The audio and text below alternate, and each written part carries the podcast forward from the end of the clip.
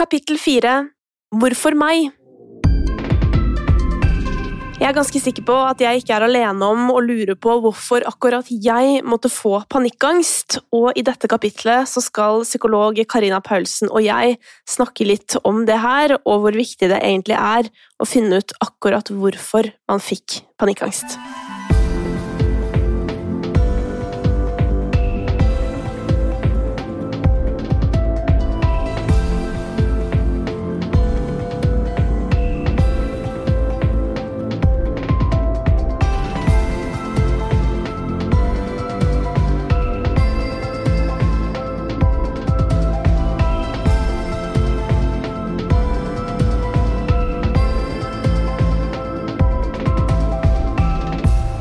Etter eh, man har hatt en opplevelse med panikkangst, så sitter mange, inkludert meg selv, igjen med et enormt behov for å finne ut hvorfor.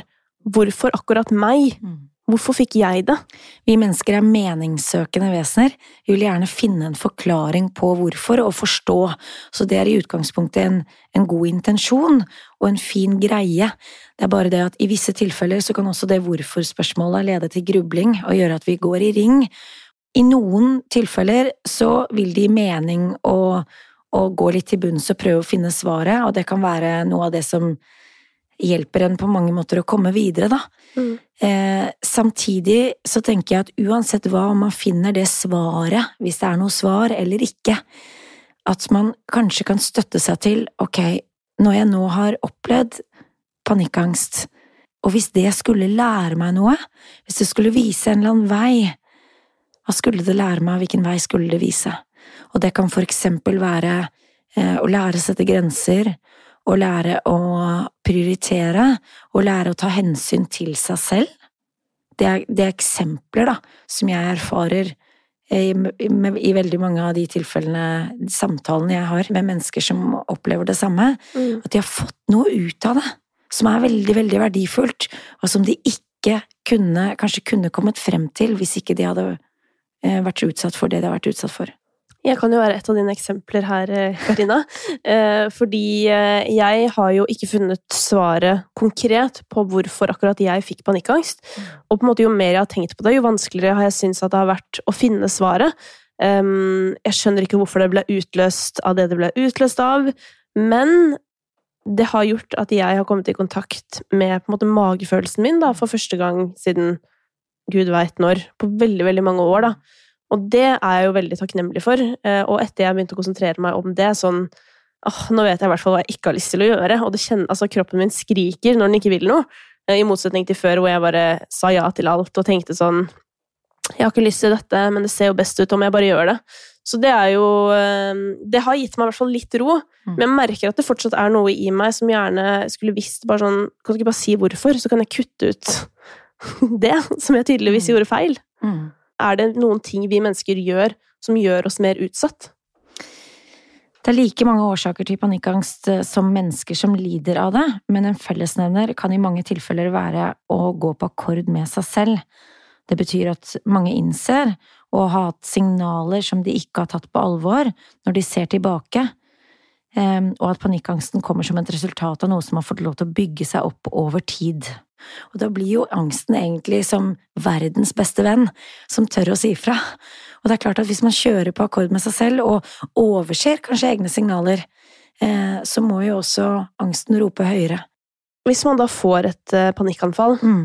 hva bør man gjøre? Snakk med noen, sett ord på, eh, og sett deg gjerne inn i hva panikkangst handler om. Kunnskap om årsaken til de fysiske reaksjonene i kroppen kan virke avvæpnende og beroligende, og det er viktig å huske på at panikkangsten ikke er farlig. Men er det sånn at noen mennesker vil være mer utsatt for å få panikkangst enn andre? Kvinner ser ut til å være overrepresentert, men årsaken til dette er uviss. Um, og så har jeg lyst til å understreke at, at det ikke er noen grunn til å gå rundt for å bekymre seg for å skulle utvikle panikkangst. Det er jo sånn at Over halvparten av nordmenn i 30-årene som blir uføretrygda, blir det pga. psykiske lidelser, og mange av de igjen eh, sliter med angst. Hvorfor er det så mange unge i Norge som sliter? det er nok sikkert også sammensatt, hvis jeg skal svare sånn veldig korrekt og, eh, og vitenskapelig. Men, eh, men jeg tenker at det er mye fokus på hvordan samfunnet vi lever i, er veldig individorientert og prestasjonsorientert. Så du står på mange måter alene og skal eh, forvalte din egenverdi da, i prestasjon, i hva du er utad. Det blir sårbart, det blir slitsomt. Eh, og jeg tror vi kommer til å miste noe av det vi mennesker grunnleggende trenger, som er tilhørighet, som er å oppleve en trygghet i flokken, i det å høre til. Og jeg vil legge til der at når jeg sier, bruker ordet flokk, så mener jeg ikke at vi alle sammen skal ha store vennegrupper og kjenne veldig, veldig mange mennesker, men at man har én eller tro, to fortrolige eh, omkring seg, det tenker jeg er ganske vesentlig. Og der er den tilhørigheten, den opplevelsen av noe normalt, noe nært, eh, noe fortrolig. Eh, og en relasjon som er bygget på nettopp eh, noe nært, og som ikke har noe med prestasjon å gjøre. Det er heldigvis ganske mange som ikke har panikkangst der ute i verden. og for å sørge for at det forblir sånn, er det noe man kan ta hensyn til i livet sitt? Er det noe man kan tenke ekstra på for å unngå å komme dit? Jeg tror i første omgang at det er viktig at man ikke blir redd for at man skal, ut, altså at man skal utvikle panikkangsten. Mm. Fordi da begynner man jo å unngå å sikre seg og, og, være forsiktig og i det hele tatt. Jeg tenker at jeg har heller lyst til å si at man skal omfavne livet og tenke på hvordan ønsker jeg å leve. Mm. Hvordan ønsker jeg at mitt liv skal se ut, hva er det jeg har lyst til å se tilbake på? Hva gir meg aller mest? Hva betyr mest? Hva gir opplevelsen av mening og verdi i mitt liv? Mm. Å leve i tråd med det. Og så lenge man lever i tråd med og er tro mot seg selv, og i tråd med egne verdier og kilder til mening, eh, så er sannsynligheten også mindre, tenker jeg, for at man går på akkord med seg selv. Da. Jeg var jo veldig opphengt i å finne ut hvorfor dette har truffet meg, og så har psykologen min alltid prøvd å si til meg sånn derre Det har blitt for mye, på en måte. Det trenger ikke å ha blitt for mye de siste to månedene, liksom. Det har bare blitt for mye gjennom på en måte mange år, da. Som har vært veldig vanskelig for meg å akseptere, selvfølgelig. Men når jeg da ser tilbake, så har jeg tenkt mye på sånn Hvorfor har jeg egentlig giddet å tåle alt jeg har tålt? Jeg har stått i så mye. Eh, fra jeg drev med musikk da jeg var yngre, type 18, da. Og har alltid liksom operert i veldig sånn mannsdominerte arenaer hvor jeg har fått høre veldig mye Altså unødvendig mye dårlig om meg selv, da. Som jeg har tålt, fordi jeg har jo bare gitt så sykt faen i alt og vært veldig sånn sterk. Og det har jeg egentlig vært sykt stolt av. Jeg har vært skikkelig stolt av sånn, fader. Jeg er jævlig Jeg tåler alt. Jeg er liksom som en murstein. Men så skjer jo dette, selvfølgelig. Og da, da får man jo en forståelse av sånn Jeg burde jo aldri ha tålt det jeg har tålt. Mm. Og jeg burde jo ha hørt etter når det liksom klikker for meg, når kroppen min sier sånn 'Herregud', jeg, altså det skriker inni meg sånn 'Hva er det hvorfor, hvorfor gidder du det her', liksom? Men så tenkte jeg bare sånn Nei, nei, drit i det. Jeg tåler alltid. Jeg tåler. Altså, det har vært på en måte mitt mantra, da. Eh, og det har jeg lyst til å dele med dere som hører på, fordi det har blitt en av mine nye kampsaker i livet. Å fortelle unge folk sånn at du skal ikke tåle alt. For det er ikke naturlig at du skal tåle at folk behandler deg dårlig. For det skal man jo ikke tåle. Det er kjempeviktig, Kristine. Utrolig viktig at du, at du gir dette en stemme.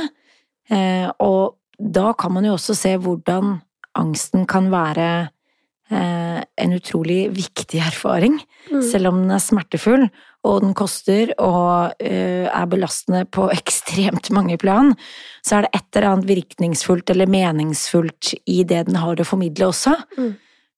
og da har jeg lyst til å liksom flytte fokus til ok, men nå ble det sånn at du, at du utviklet angst, men men hva er det den har lært deg som du kanskje ikke hadde lært, eller sett eller forstått eller fått innsikt i, hvis ikke du hadde erfart angstens brutale herjinger med deg, da, og med livet ditt? Mm.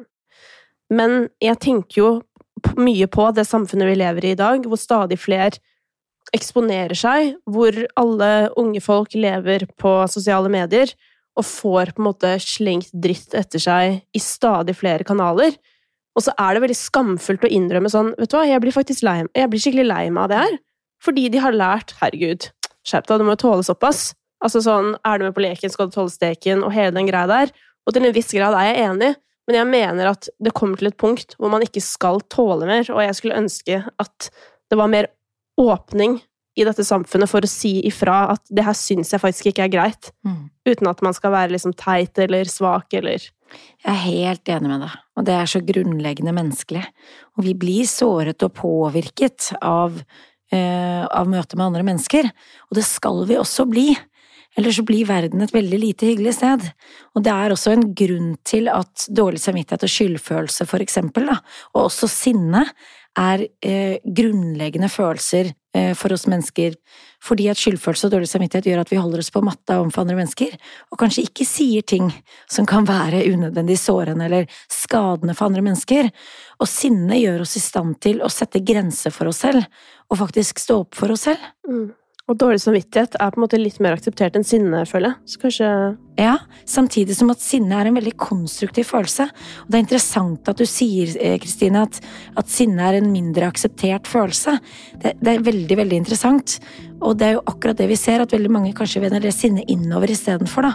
Og kanskje spesielt de unge i dag, eh, eh, generasjon prestasjon, som istedenfor å gjøre opprør utover, faktisk gjør opprør innover mot seg selv.